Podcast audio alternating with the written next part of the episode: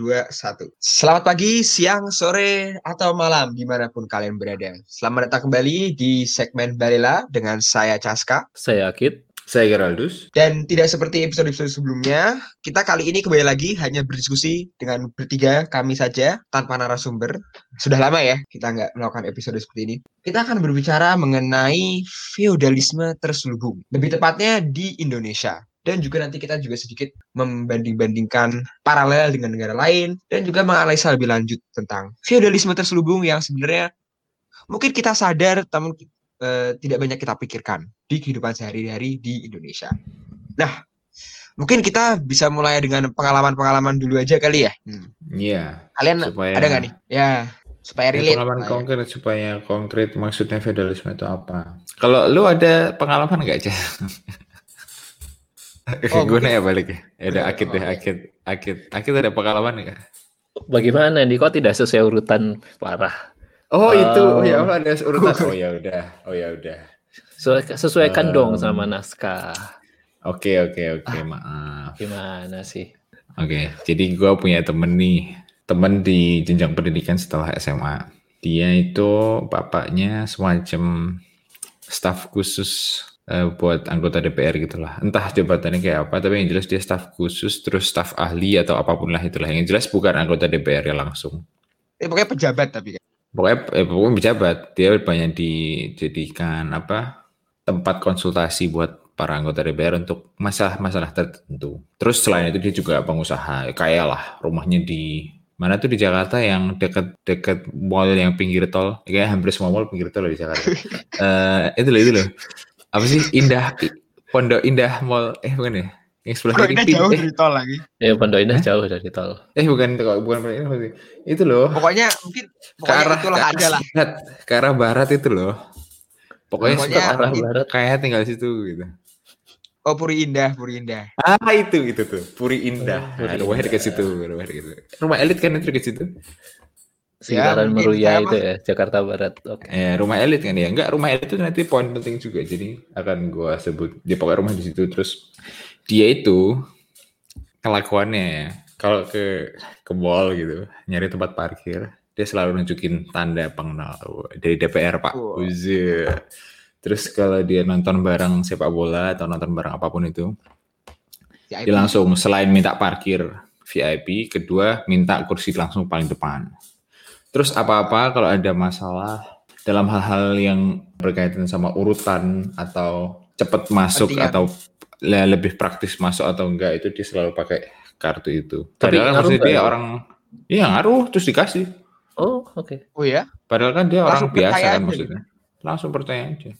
Padahal kan dia maksudnya orang biasa gitu loh. Maksudnya kan ya kayak kita. Ya cuman bapaknya kebetulan Eh, banyak kenal orang DPR atau bahkan jadi staffnya. Tapi kan maksudnya seharusnya kan, kan nggak kan, begitu toh? Iya dan maksudnya sebenarnya kan ya bukan orang yang istilahnya bukan orang yang penting banget gitu ya. Cuman dikerja di instansi pemerintah saja gitu kan. Sebenarnya apa bedanya kan kerja di instansi pemerintah sama kerja di perusahaan swasta dan lain-lain kan. Sebenarnya kan Betul. secara status kan ya harus sama aja gitu kan. Oh, lo gimana Kit?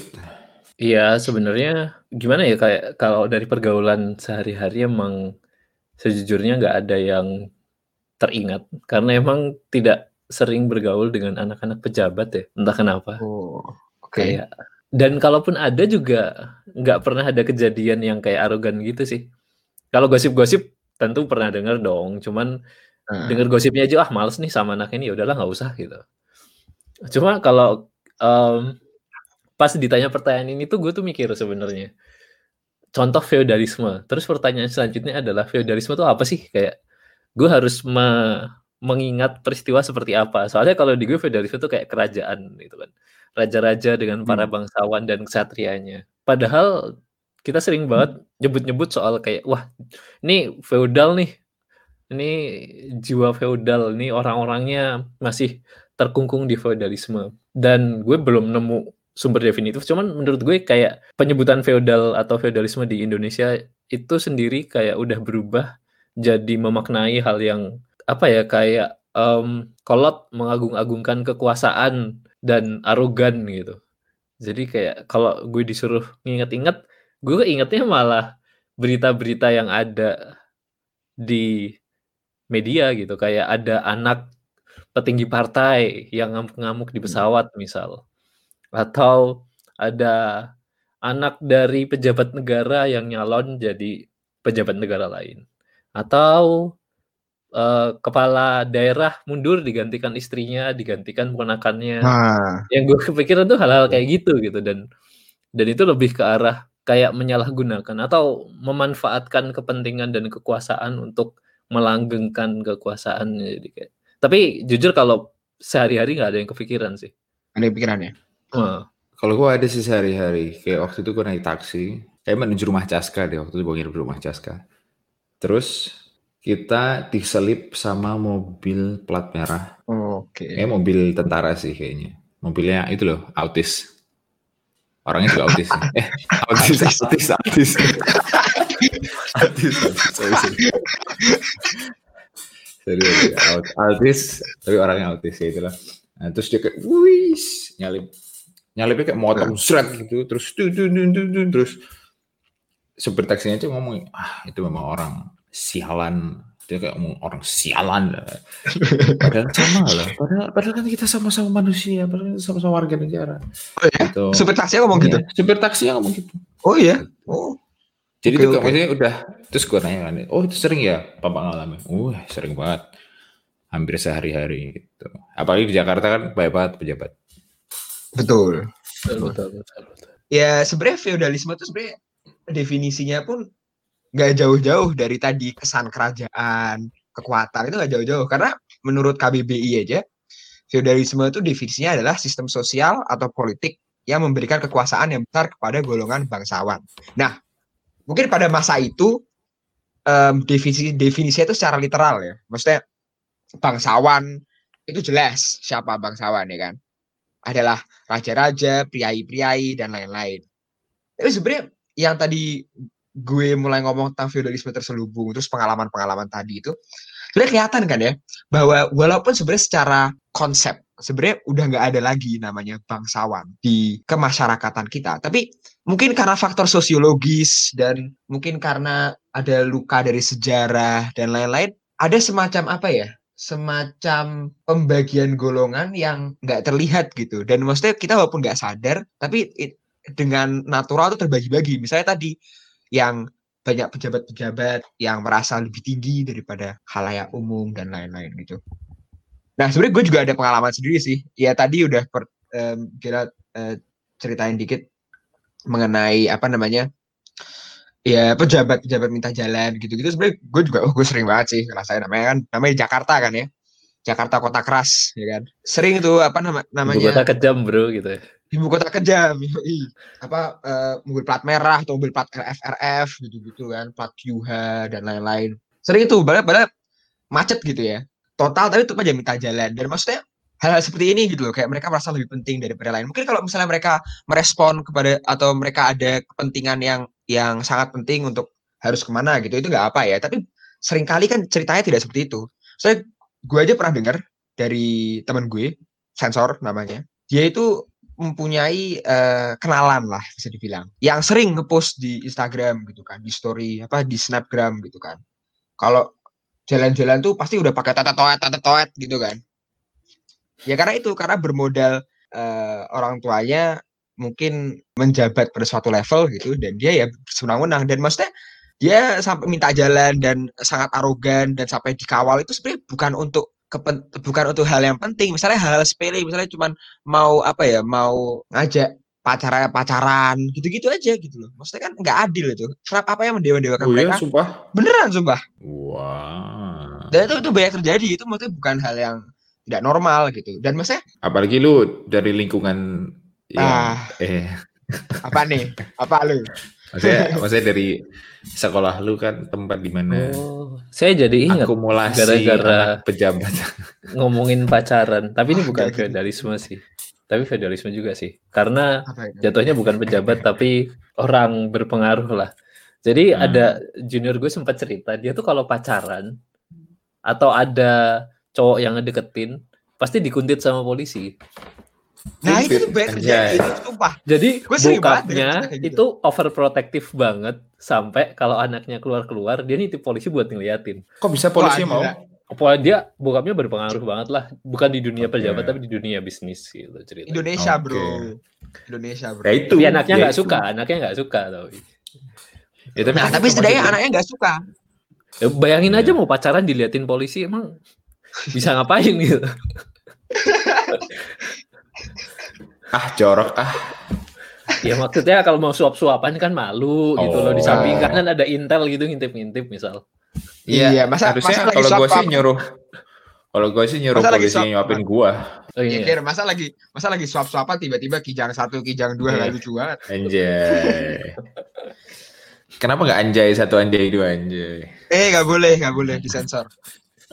Nah, nggak cuma itu doang sih sebenarnya. Bahkan hal-hal yang sepele aja, kita semua harus melakukan. Maksudnya em, urusan birokratis resmi, kayak bikin KTP, bikin SIM. Ini kan hal-hal lumrah yang sebenarnya semua masyarakat, eh, semua bagian dari masyarakat tuh mempunyai hak yang sama dan harusnya diberlakukan dengan sama aja. Itu pun sebenarnya feodalisme terselubung ini terjadi. Misalnya pas ketika lagi bikin KTP atau bikin SIM gitu.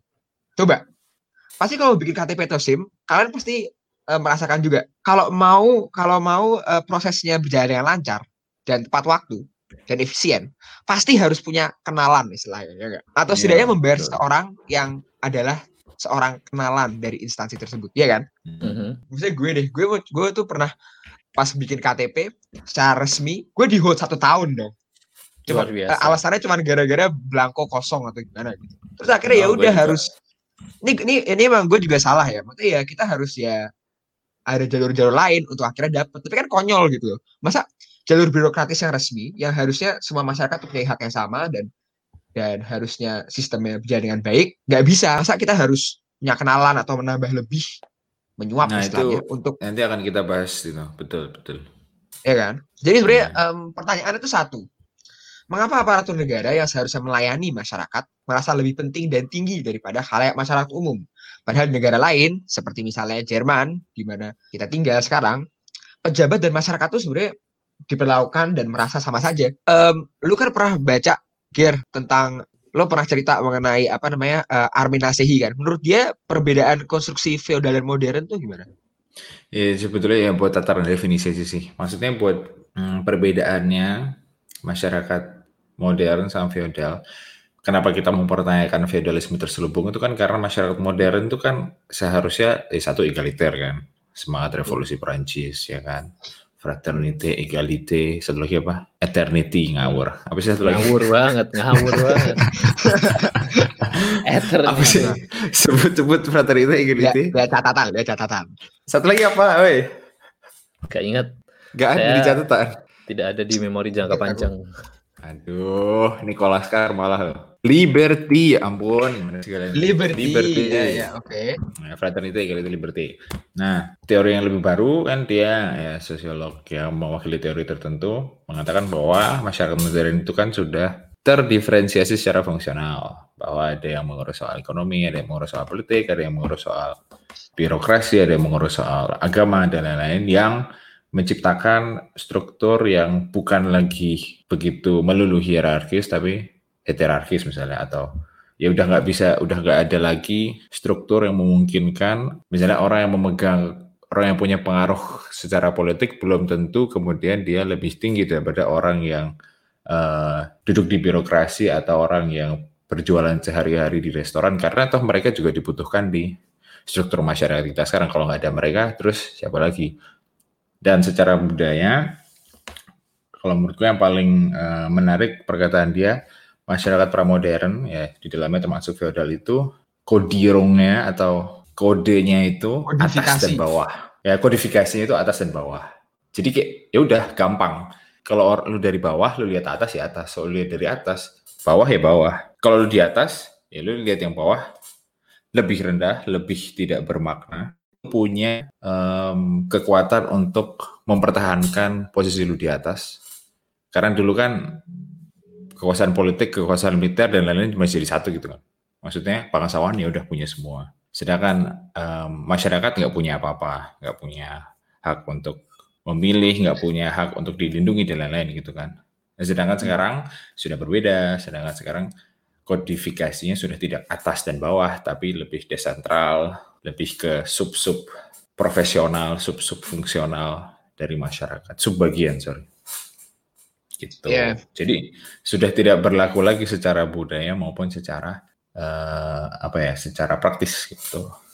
Walaupun Seharusnya. ide- Ya, makanya berarti walaupun ya makanya idealnya itu sebenarnya yang seperti tadi Nasehi bilang ya, karena semuanya ada spesialisasinya, harusnya nggak ada yang lebih penting dibanding satu sama lain karena ya Betul, karena sama-sama penting gitu. iya apa batu bata di sebuah bangunan gitu kan. Jadi sebenarnya di Indonesia tuh awalnya kenapa sih kok bisa cara berpikir feodal bisa dibilang atau persepsi feodalisme dalam sosiologi kita tuh kok bisa masih sampai ke bawah di era modern kita tuh asal usulnya bagaimana? Eh, menurut gua ya, lu pada baca itu gak sih bukunya Pramudia yang tetralogi bumi manusia? Gue nonton filmnya sih.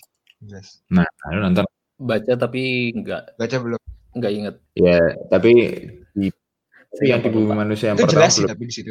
tapi belum begitu kelihatan banget sih. Yang mulai kelihatan banget nanti yang kedua, ketiga yang dia maksud sama kelas priayi. Jadi kayak em, ada sih di bumi manusia dia kayak ada sebuah scene, scene itu apa? Sebuah peristiwa di mana si Minke itu terus dipanggil ke kadipaten ke bapaknya, terus disuruh merangkak. Terus Oh iya iya. di filmnya nggak begitu kelihatan sih, di filmnya begitu. Tapi kalau lu baca novelnya itu kayak, kan? tapi kalau lu baca novelnya itu kayak dia kayak Pramudia gambaran itu dengan kayak ini rasa jijik yang bukan main terus kayak aku sangat membenci hal-hal seperti ini sebuah konsep Hmm. abstrak yang bernama kehormatan kayak gitu loh. Maksudnya memang di masyarakat Indonesia itu kayak kehormatan itu jadi istilahnya penting gitu. Ya karena kalau kita sambungin ke Arminase tadi ya kehormatan itu tanda bahwa atau kalau lu dihormati itu tanda bahwa lu ada di konstruksi sosial yang atas gitu Hmm. kan tadi cuman biner atas bawah gitu kan kalau feodal dan si Pramudia kemudian menganalisis bahwa ada kelas baru gitu namanya kelas priayi. Nggak cuman kelas bangsawan sama kelas bawah tapi juga kelas priayi. Karena apa? Karena Belanda kan semenjak abad 19 tuh ada industrialisasi kan dia kayak bikin pabrik-pabrik gula. Nah terus pabrik-pabrik gula itu kan nggak mampu dikerjakan oleh orang Belanda semua. Jadi dia banyak me- meng-hire itu apa ya? Me- merekrut orang-orang ya. lokal, merekrut orang-orang lokal juga. Nah, orang-orang lokal yang direkrut itu berarti kan dia naik pangkat kan. Yang tadinya dari masyarakat jelata, gara-gara konsepsi yang bernama kehormatan sangat kuat, masyarakat jelata itu kan sangat ingin istilahnya sangat ingin juga dihormati balik gitu kan. Ya. Dan dengan adanya lowongan kerja di pabrik sebagai eh, penilik atau sebagai pengecek pabrik, itu dia punya kesempatan untuk ya istilahnya social mobility gitu kan dia naik kelas, Hmm. maksudnya naik posisi sosialnya. Dan itu jelas beresonansi sama hasrat akan kehormatan itu tadi. Dan di novelnya yang gue lupa yang keberapa, maksudnya dari tetralogi itu satu apa dua, terus kan dia menceritakan juga gimana ceritanya si Sanikem, Sanikem tuh ibunya analis Ya, jadi kundik jadi Ny- nyai atau soroh karena kan dijual bapaknya kan Iya iya. bapaknya bapaknya ditawarin posisi sama si suaminya Sanikem untuk jadi penilik atau pengawas pabrik tertentu Dengan catatan. dengan syarat dengan Hmm. catatan anaknya bapaknya yang adalah Sanikem diserahkan ke si pemilik pabrik dan dilakukan gitu. padahal gi- gila kan maksudnya Iya. cinta terhadap Untuk anak jabatan. tapi eh, yang penting untuk kehormatan gitu. untuk kehormatan untuk naik posisi sosialnya eh, dia rela mengorbankan apa pun dan itu sebetulnya ada di dan fenomenanya itu kayak apa ya sangat persistent sangat stabil Hmm. sehingga bahkan di kalangan masyarakat bawah pun muncul sebuah bentuk untuk sebuah apa ya bentuk budaya yang membuat mereka menunjukkan kehormatan mereka di antara sesama masyarakat jelata. Di Oh. novelnya mm, Max Avelar dari si Doris Staker, Multatuli. Dia kan ada cerita yang ya pokoknya Iya. kalau lu ada baca novelnya, bahkan rakyat jelatanya itu dengan sukarela memberikan seluruh miliknya hadiah, kerbau, sawah dan lain-lain Peti gitu kan ya. upeti gitu. Padahal dia nggak punya apa-apa, jadi dia jual semuanya supaya tidak dipandang lebih rendah atau supaya nggak malu dengan masyarakat lain atau supaya nggak malu terhadap bangsawannya bahwa dia nggak mampu. Gitu. Jadi dia pokoknya mau dilihat mampu. Gitu. Berarti ini ya, apa namanya, hal seperti ini tumbuh karena keinginan untuk kehormatan tadi ya berarti? Keinginan Betul, untuk iya. menjadi bangsawan. Karena karena kalau dulu kan bangsawan dan rakyat jelata sudah sangat apa ya, sudah terbagi sangat jelas dan setiap ada kesempatan kecil, bahkan kesempatan sekecil apa pun itu eh, untuk mobilisasi, untuk mobilisasi sosial yang seperti Uribek tahun 1986 katakan ya, eh, mereka akan memanfaatkan kesempatan ini dengan cara apa pun yang mereka bisa lakukan gitu, agar mereka bisa menjadi bangsawan juga. Karena keinginannya gimana ya, namanya orang sudah ditekan, sudah repressed gitu kan, mereka pasti menjadi lebih apa ya, lebih lebih ingin lagi untuk Ya, dan pertanyaannya kan gini, itu kan udah itu kan harusnya udah zaman dulu. Pertanyaannya kan kenapa zaman sekarang cara pandang seperti itu, cara pandang gagah-gagahan, cara pandang bahwa oh ini loh, gue punya duit lebih banyak, gue lebih bermakna atau gue lebih seharusnya Gua I lebih, deserve more atau gue seharusnya mendapatkan penghormatan lebih atau gue anak pejabat atau gue pejabat, gue seharusnya lebih kalian Oh, hormati. gue gue Itu- gue kenal sama gue kenal sama si ini loh, gue kenal sama Nah, si itu. nah loh, itu, gitu kan. nah, kenapa kok Eh, tau hal-hal nggak gua seperti anak- itu? Nah, Kenapa kok hal-hal seperti itu masih relevan gitu? Ada punya ide nggak? Nah ini menarik nih kemarin eh, gue sempat baca. Jadi entah kenapa kalau ngomongin feudalisme di Indonesia tuh ada satu istilah yang buat gue sangat menggambarkan sekali itu ABS atau asal bapak ABS. senang. Kalian Ya, iya dong. familiar nggak dengan dengan pernah istilah ini? iya, iya. Iya kan. Terus gue gue gue gue cari tahu nih ini asal usulnya dari mana sih ini istilah ABS? Hmm. Ternyata ABS itu nama band. Hah? Jadi gimana, bentar, bentar, bentar, nama maaf, nama grup band. Ah, gimana gimana? Tunggu dulu. bentar, aku, Tunggu dulu. ABS asal Bapak senang itu nama band sebenarnya. Oh, terus Nama band di zaman Soekarno. Jadi Oh, oke. Soekarno punya musikus favorit. Ya kan? Nah, masalahnya ini em, Soekarno punya list-list lagu yang udah fix banget suka dimainin.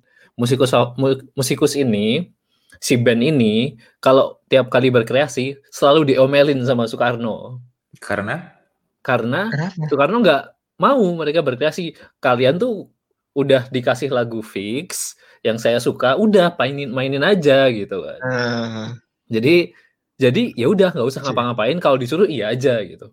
Nah, Oh. nama bandnya sebenarnya bukan asal Bapak Senang, tapi mereka-mereka ini secara informal kalau ditanya di main apa nama kalian apa? Oh kita ABS aja asal Bapak Senang, asal Bapak Oh. Soekarno senang. Ya kan? oh, unik juga. Dan ini juga. unik banget nih. Ini istilahnya untuk menyenangkan hati Bapak Soekarno ceritanya waktu itu bandnya. Oke. oke. Nah, Istilah ini turun terus sampai ke Orde Baru, Baru. juga. Bah- Tapi udah mulai bergeser maknanya untuk menyenangkan pejabat pada akhirnya.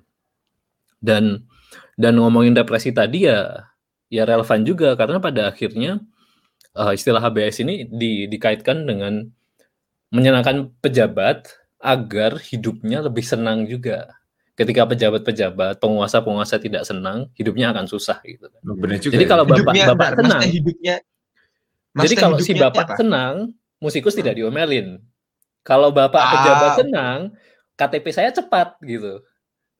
Atau kalau bapak pejabat senang, saya bisa ikut eh, rombongan polisi, terus perjalanan saya ikut lancar gitu. Jadi istilah asal bapak senang ini sudah mengalami pergeseran dan pemaknaan di masing-masing orde sebenarnya. Ya sebenarnya ke gak cukup udah ke berbagai apa ya, berbagai bidang dan berbagai aktivitas dalam kehidupan sehari-hari jadinya kan ya. Benar, benar, benar. Bapak ini sekarang bisa diperlakukan kepada siapa pun bos, pejabat, em, apa ya, petinggi atau penguasa. Jadi kayak menarik sekali. Satu istilahnya menurut saya kulminasi dari feudalisme Indonesia nih. Rangkum ya. Hmm. Bener sih, bener sih. Unik juga ya. Oke, oke. Nah, eh, jadi sebenarnya dari zaman dulu sampai zaman Orde Lama, Orde Baru, sampai sekarang, post reformasi, feodalisme tuh masih di beberapa sisi itu masih relevan ya, walaupun tidak terlalu terlihat. Berarti kan ada semacam struktur kemasyarakatan yang menyebabkan langgengnya feodalisme ini dong, melalui Yes. berbagai perbedaan-perbedaan apa namanya sistem figur. Jadi ada bisa dijelasin nggak? Ya, sebenarnya ada beberapa sosiolog terus political scientist yang mencoba membahas itu ya kita kita cuma ambil secara eklektis aja lah ya. Ada paling nggak Colin Crouch. Berarti kan cara baca ya? Colin Crouch. Colin Crouch ya. Istilah post democracy. Kayak si narasumber kita pernah menyebut itu di episode reformasi. Dia menjelaskan bahwa kurva perkembangan demokrasi itu berbentuk parabel. Jadi kayak ada bawah, ada kulminasi, terus ada turun lagi. Posisi titik Oh, iya. awal tentunya revolusi Prancis, di mana nilai yang tadi itu, fraternité, égalité, liberté, dipromosikan dan diterapkan, diinstitusionalisasikan. Kemudian titik puncaknya adalah welfare state, zaman tahun 50-an, 60-an, Ya. 70-an, sampai tembok Berlin luntur lah ya, apa patokannya biasanya, sampai tahun 80-an. Di, terutama di Eropa ya, di Jerman dan lain-lain, di mana banyak banget di situ social mobility eh, terjadi. Jadi kayak istilahnya ada em, efek elevator Aufzug efek em, Ya. jadi satu kelas sosial di bawah itu diangkat semua secara pendidikan, secara ekonomi sehingga mereka lebih punya apa ya kepercayaan diri, self esteem dan orientasi pendidikannya juga diubah ke arah eh, apa pencapaian, bukan lagi arah keturunan dan lain sebagainya.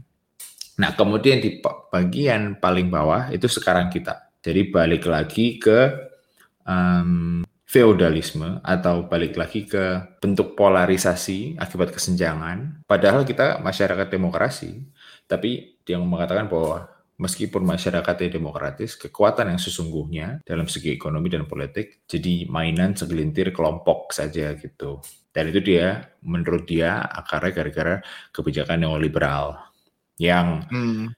memungkinkan orang-orang ke orang-orang tertentu, kelompok-kelompok tertentu mendapatkan akumulasi kapital yang besar untuk ya mengembangkan bisnisnya dan juga mempengaruhi kebijakan politik. Dan dia juga ngomong bahwa kalau kita lihat sekarang partai-partai kan bertindak layaknya perusahaan yang cukup transaksional bersaing satu sama lain di hadapan pemilih yang menganggap pemilihnya itu pelanggan gitu kan maksudnya hanya Betul. menjual-jual kayak kebijakan misalnya eh jangan sebut misalnya sebuah partai yang slip. ber- misalnya sebuah partai yang berjuang untuk keadilan sosial ya nah itu Oh iya iya iya. Dan nggak cuma Um, Indonesia, dia nggak hanya di Indonesia ya. Maksudnya ini kan salah satu bentuk populisme juga ya. Bisa Betul. dikaitkan dengan populisme ya. Betul. ya ya? bisa jadi padahal kan maksudnya itu kayak aktor-aktor di baliknya kita tahu itu orang-orang oligark gitu kan kesannya bukan kesannya Betul, memang oligark gitu kan Ya Amerika Dan- Serikat pun seperti itu kan. Maksudnya kedua partai tersebut kan ya pemilih itu seperti pelanggan tadi. Jadi kita eh, mereka harus apa ya, istilahnya eh, strategi populisme itu harus yang cocok agar mereka tidak kehilangan pelanggan dan bisa menambah pelanggan di rakyat. Dan kalau gue boleh nambahin satu lagi, mungkin Sighart Nickel ya yang paling hmm, apa ya, yang dalam peristilahannya selaras dengan apa yang mau kita bawa sebagai tesis, karena dia menggunakan istilah refeodalisasi. Menarik kan? Jadi Oh, oke. feodalisasi lagi. Ini kayak gue kan denger sih bukan re, ist- eh, eh. refeudalisierung kan ya. Ini Ah betul. Dari sosiolog siapa? Dari Jerman siapa? kan ya? Ah, ya. Pokoknya dari Habermas awalnya ya, dari Habermas. Oh, oke. dari Habermas di bukunya ah teman-teman pasti tahu Strukturwandel der Öffentlichkeit Öffentlichkeit. yaitu perubahan perubahan struktur ruang publik. Habermas kan menggunakan istilah itu, kemudian si Nagel itu dia kayak punya misi untuk membawa istilah itu lagi menjadi relevan dalam sosiologi karena kan Habermas kemudian agak tersingkir, dia lebih banyak dianggap sebagai filosof menurut dia. Dan dia punya teori mengenai lima tanda refeudalisasi itu. Jadi satu, dan ini semua relevan, kita semua pasti tahu. Maksudnya kita yang sensibel terhadap apa yang terjadi ya. Oke. Pertama, semakin menjauhnya masyarakat dari janji keadilan sosial. Kedua, tendensi refeudalisasi ekonomi melalui konsentrasi kapital ke tangan kelompok atau segelintir orang, ya, seperti yang Colin Crouch tadi bilang. Dan itu kan menciptakan polarisasi ya. Ada yang maha kaya, ada yang maha miskin. Ya, Kita tahu kesenjangan sosial di Indonesia salah satu yang Ya. paling hebat begitu ya. Ketiga, erosi prinsip pencapaian ya, prinsip pencapaian oleh usaha mandiri. Iya, iya. Karena sekarang Jadi- kan eh, prinsip pencapaian adalah kapital kan ya. Oh, dia kaya, dia Hmm. sukses. Betul, dan maksudnya lebih ke bahwa masyarakat sekarang itu tidak bisa murni lagi di eh, belum bisa, kalau lebih tepat diungkapkan, belum bisa disebut sebagai masyarakat pencapaian lagi karena statistik membuktikan bahwa anak dari orang tua yang memiliki status tinggi atau apa ya ya punya posisi lah ya orang tuanya pasti akan jauh lebih mudah juga untuk mencapai kesuksesan gitu. Dan kesuksesan dalam konteks ini tentu mengakibatkan akumulasi kekayaan. Akumulasi kekayaan kemudian meningkatkan konsumsi kartu kredit kemudian aksi konsumsi dan hal yang dikonsumsi jadi sumber pengakuan sosial gitu. Jadi refeudalisasinya dari ekonomi dari kesempatan juga dari pengakuan sosial gitu. Ya kan kalau kita lihat yeah. teman-teman kita yang punya um, relasi dengan uh, pejabat begitu ya. Kan kemudian ah jangan disebutlah. Ya kita kalau menyebut kalau kita melihat kan misalnya kita ke mall di Jakarta gitu wah sepatunya Yeezy kemudian celana jeansnya um, ya itulah kemudian tasnya itu gitu. Hmm. dan itu membedakan dirinya dari orang lain dari kapasitas kemampuan kekayaannya dan lain-lain. Kemudian yang keempat itu muncul tembok segregasi sosial secara keruangan. Jadi dari dimensi ruang juga. Kayak misalnya orang kaya tinggal di daerah tertentu orang miskin ya. tinggal di daerah tertentu gitu kan. Dan itu fenomena yang mendunia nggak cuma di Indonesia di Indonesia sangat iya. jelas kentara gitu ya kan. sangat sangat umum lah maksudnya ya dan dan orang-orang kaya ini di analisis dia membiarkan rumahnya didesain secara neoklasik gitu jadi kayak Oh iya, refeudalisasi oh, Iya, maksudnya ya secara simbolis kan maksudnya kalau orang kaya di deket uh, Puri Indah Mall gitu membangun rumah dengan pilar-pilar gitu kan kayak ala-ala ya, tapi... klasik gitu. Ya walaupun sekarang banyak yang suka minimalis sih, tapi kan banyak juga yang seleranya masih sangat rendah walaupun duitnya banyak. Membangun rumah dengan neo-neo, maksudnya dengan pilar-pilar Yunani gitu-gitu kan. Nah, itu kan maksudnya untuk menunjukin, wah aku hebat loh, aku bisa bikin kolom loh, tapi kolomnya dari semen bukan dari marmer, udahlah aku.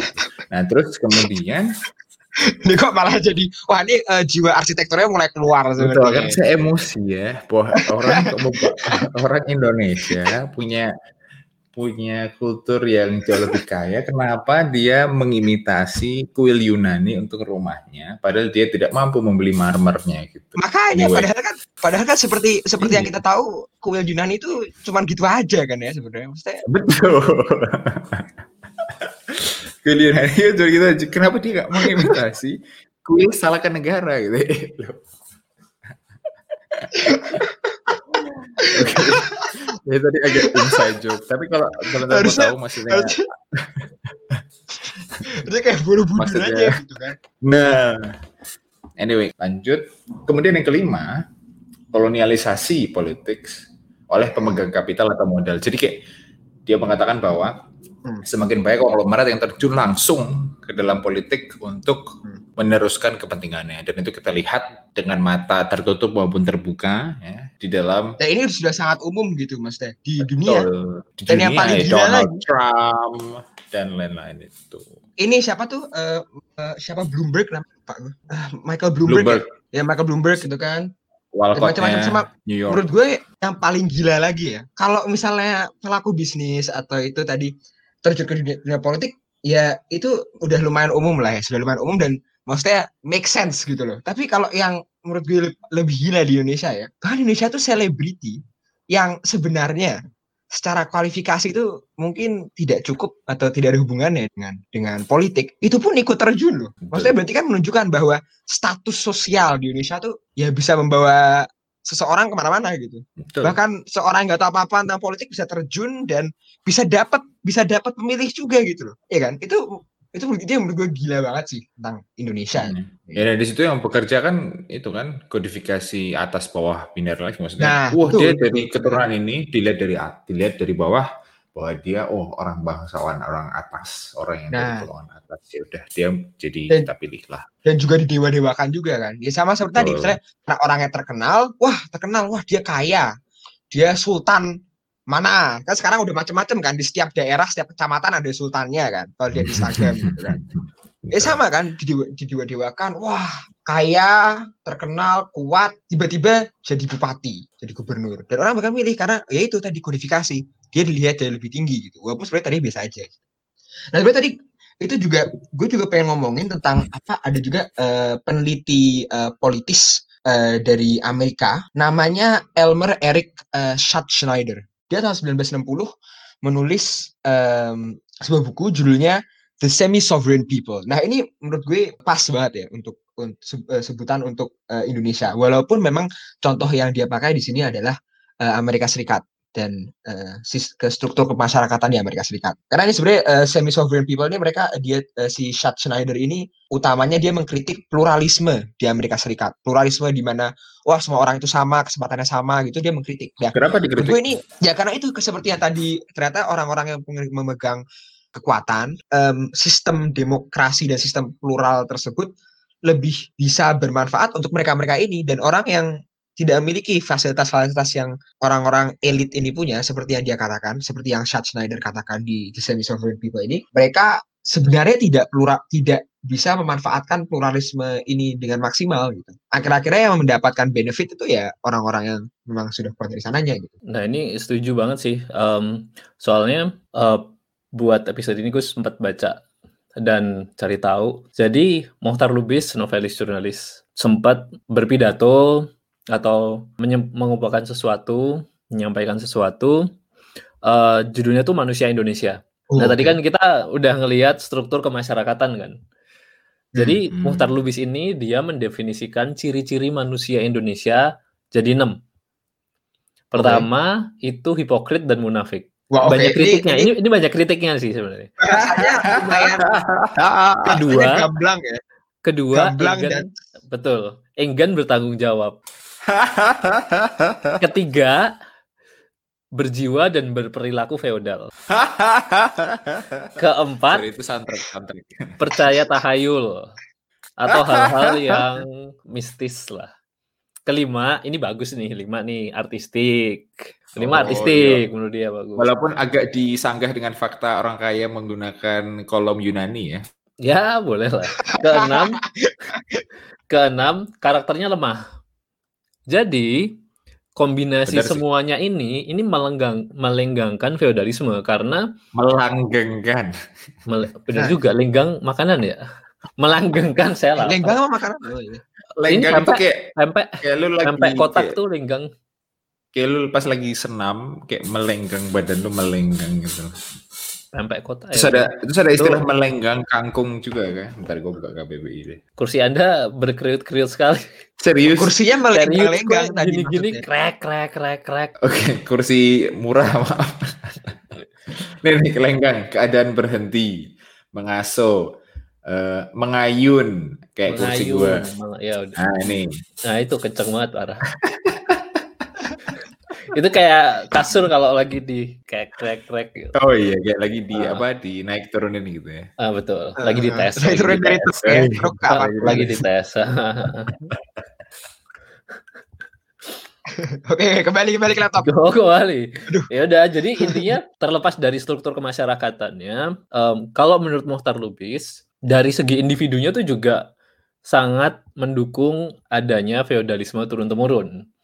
Karena dia enggan bertanggung jawab em, dan munafik itu sangat memudahkan untuk memuji-muji pejabat dan lepas tangan dari kebodohan-kebodohan yang dilakukan oleh pejabatnya gitu kan.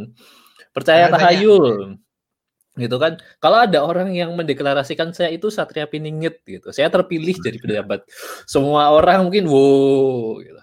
Iya kayak fe- fenomena yang terakhir itulah raja mana Sunda Kelapa apa Sunda Empire atau apa Sunda itu. Empire itu ya. Sudah Empire, Nah, ya, Empire. Sunda Ada juga Empire. tuh pengikutnya kan heran gua. Bener, banyak lagi. Hmm. Terus wataknya lemah, jadi kalau ditekan ngikut. Jadi ini banyak kritiknya kontroversial banget. Gue baca-baca juga banyak banget yang gak setuju. Cuman kalau kita menilik dari perspektif kenapa feodalisme ada, ciri-ciri ini tuh sangat mendukung Hmm, berlangsungnya betul sih. feodalisme turun-temurun. Nah, Betul sih. sobat progresif, eh, maaf ya kita mungkin bahasanya agak lumayan to the point dan kasar. Semoga tidak tersinggung. Ini ini nothing personal ini ya. Ini kritik yang Ini- eh, berbasis dan maksudnya itu kan Kita Mohtar Lubis yang tidak- bilang, bukan Kita lu bisa ya. Tapi Oh saya iya, iya, siap-siap makanya aja dihujat di sosial media. Wah, kenapa? ini corongnya nih, aduh, fasis misalnya. Emang Mohtar Lubis asis? Enggak sih, maksudnya saya nanti dihujat.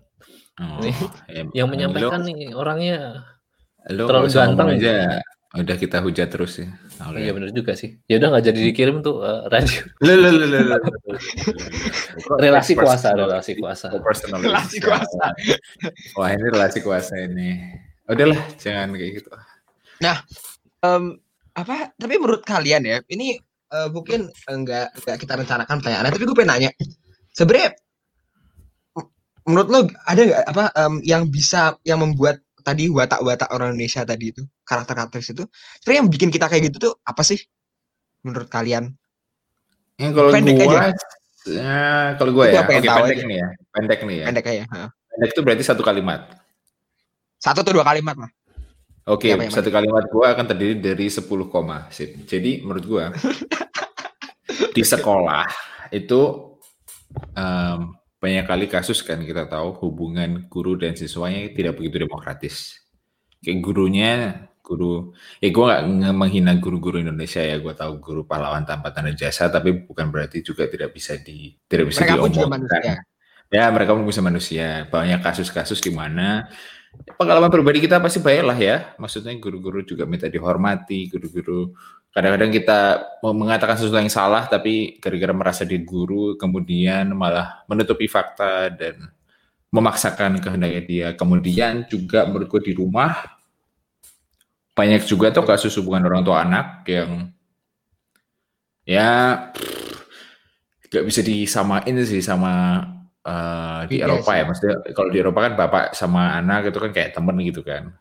Jadi kita masih ada bukan masih ada sorry. Tapi kita kehormatan untuk orang tua itu penting. Tapi kan misalnya dalam hubungannya dengan takdir anak masing-masing gitu kayak orang tua sangat sering sekali. Paling nggak di kasus ku berbicara dengan teman-teman kayak menentukan "Oh, kamu kamu jangan jadi inilah kamu lebih baik jadi yang itu gitu. Karena di situ lebih masuk akal duit dan lain-lain dan anaknya kemudian tidak diberikan ruang untuk berkembang sendiri untuk mencapai kepribadiannya sendiri. Dan itu kan bukti apa ya sebuah relasi kuasa dan atas bawah juga gitu. Dan ya tadi itu yang ke- kemudian konsep abstrak bernama kehormatan yang disebut pramudia makanya si orang Indonesia jadi feodal Hmm, kemudian apa lagi ya? ya kalau lo apa, Jas? Gue bahkan tadi ngelanjutin aja dari yang lo omongin. Ini apa namanya eh, prinsip kalau di kelas Indonesia kakak kelas dan adik kelas. Kakak Ah, iya. selalu, selalu dihormati. Itu kan jelas sekali. Ospek, Mereka ya. ospek pada sampai sampai Orientasi. sampai kuliah gitu kan ya. Itu sebuah Apa program itu? yang Kita- harus Kita harus kita kuliah di kita eh, nggak kuliah di Indonesia ya. Atau mungkin Akit yang pernah di Indonesia. Tapi maksudnya kita kita ospek-ospek tempat kita ya eh, di di mana kita eh, kuliah di Jerman nggak ada namanya peloncoan-peloncoan yang cuman ya datang eh dikasih tahu kurikulum seperti ini, cara kerjanya kuliah kayak begini, kultur kuliah begini, kultur kampus begini, ya sudah gitu loh. Semuanya Betul. di apa ya? Mereka membuka tangan mereka lebar-lebar untuk ya apa ya? eh, warm welcome istilahnya lah. Nah, makanya itu yang ospek itu gue gak ngerti sih. Karena ya tadi itu itu menurut gue contoh yang bagus banget mengenai contoh eh, contoh yang bagus banget untuk eh, tadi feodalisme tadi. Salah satu contohnya. Karena secara esensi kan mereka sama, sama-sama pelajar atau sama-sama mahasiswa. Yang harusnya stratanya sama dong, sama-sama menimba ilmu, sama-sama apa ya, ingin memperkaya dirinya sendiri. Namun kok pakai acara, oh aku lebih kuat daripada kamu, kamu nggak boleh ke sini sini, ini daerahku itu kan agak-agak gimana ya? Ya itu mungkin itu salah satu faktor-faktornya sih. Dan ya juga dosen dan mahasiswa juga kan di Indonesia juga. Hmm, dosen mahasiswa juga. nggak mau dipa harus dipanggil dengan gelar ya. Aku pernah denger ya. Betul, eh, itu pengalaman Dipanggil juga dengan- itu. Iya dipanggil dengan apa tuh? Gelarnya yang lengkap ya kan. betul. Prof, dokter, SHSE, SPD, wah. Ya Panjang. mending mending mending kalau dokternya beneran eh tiba-tiba prof doktor honoris causa. Nah, gimana coba? Nah, anyway, anyway, ya gitu aja sih. Maksudnya itu menurut gue bentuk yang ini dan maksudnya karena tadi itu ospek itu kalau kalian berbicara dengan pemuda-pemuda Indonesia, anak-anak muda gitu-gitu, pasti salah satu hal yang langsung kayak ting di kepala mereka tuh adalah pengalaman ospek loh. Jadi ya mungkin salah satu yang hal yang membuat orang-orang berpikir, berpikir dan apa orang-orang mempunyai cara berpikir yang seperti tadi siapa ya karakter-karakternya tadi Pak Mukhtar Lubis katakan tuh mungkin dibentuk dari usia yang muda betul. Memang. dan tertanam karena pengalaman-pengalaman ini yang sebenarnya untuk anak-anak muda ini sangat apa ya kuat gitu um, Betul. pengaruhnya. Menurut lo gimana Ken? Menurut gue kompleks sih sebenarnya kalau kita ngomongin Indonesia. Um, feudalisme kan pem, gimana ya pembagian kelas antara yang berkuasa dengan yang enggak kan. Dan pada akhirnya kita nggak bisa bilang bahwa um, kehormatan itu tuh konsep abstrak karena antara timur dan barat ke timur apa eastern dan western Beda ya. sebuah kata kehormatan ini kan dimaknain berbeda kan. Secara umum, secara umum kebudayaan eh, ketimuran lebih menekankan adanya kehormatan di dalam struktur sosial mereka gitu kan. Orang tua dihormati, kemudian guru juga dihormati. Dan ini nggak di Indonesia juga, nggak di Indonesia doang. Tapi Indonesia sepertinya parah karena em, pergantian kekuasaannya itu tidak mulus gitu loh. Kayak kita sempat ada Orde Lama dengan Soekarno yang sangat karismatik. Sisi bagusnya karismatik. Sisi jeleknya terlalu karismatik. Tahu nggak? Kemudian ada Orde Baru yang lama banget, kemudian diwarnai dengan dualisme militer dan sekarang adanya reformasi yang rusuh dan masih terus berlanjut. Ini cuman pengantar doang. Jadi kayak pergantian kekuasaan Indonesia tuh nggak mulus sehingga menurut gue tidak ada ruang dan belum ada sejujurnya belum ada pemimpin negara yang menekankan di uh, benar-benar membumi hanguskan mentalitas feodal ini sebenarnya. Jadi kayak upayanya ada, cuman belum kerasa aja. Kayaknya masih panjang juga sih. Dan ngomongin ospek bener sih. Gue kan sempat kuliah di Indo kan. Begitulah pembahasan pertama Balela tentang feodalisme yang bekas-bekasnya menurut kami masih bersirkulasi dalam kehidupan kita di Indonesia. Kita telah membahas tentang pengalaman-pengalaman yang berkaitan dengan feodalisme terselubung, eh, konstruksi sosiologis masyarakat modern dan pramodern, genealogi atau bisa disebut asal-usul feodalisme pada konsepsi kehormatan dari misalnya bumi manusianya Pramudia, Max Havelaar Tatuli, dan kemudian juga paparan beberapa teori dari Habermas, Neckel, Crouch, dan lainnya yang menunjukkan struktur kemasyarakatan yang membuat feodalisme masih relevan. Nah, di episode berikutnya, kita akan mendengar kisah Akit dengan ospeknya sampai selesai. Kemudian kita akan juga berspekulasi mengenai dampak negatif dari praktik-praktik feodal ini melalui beberapa teori lainnya. Lalu juga sedikit membahas mengenai peran-peran dari tokoh-tokoh seperti Jokowi, Risma, Kamil yang kami anggap merupakan representasi tokoh non-feodal. Dan akan kita tutup dengan saran-saran praktis dan refleksi. Jadinya dengerin episode selanjutnya ya, dan selamat membalela pikiran kita masing-masing.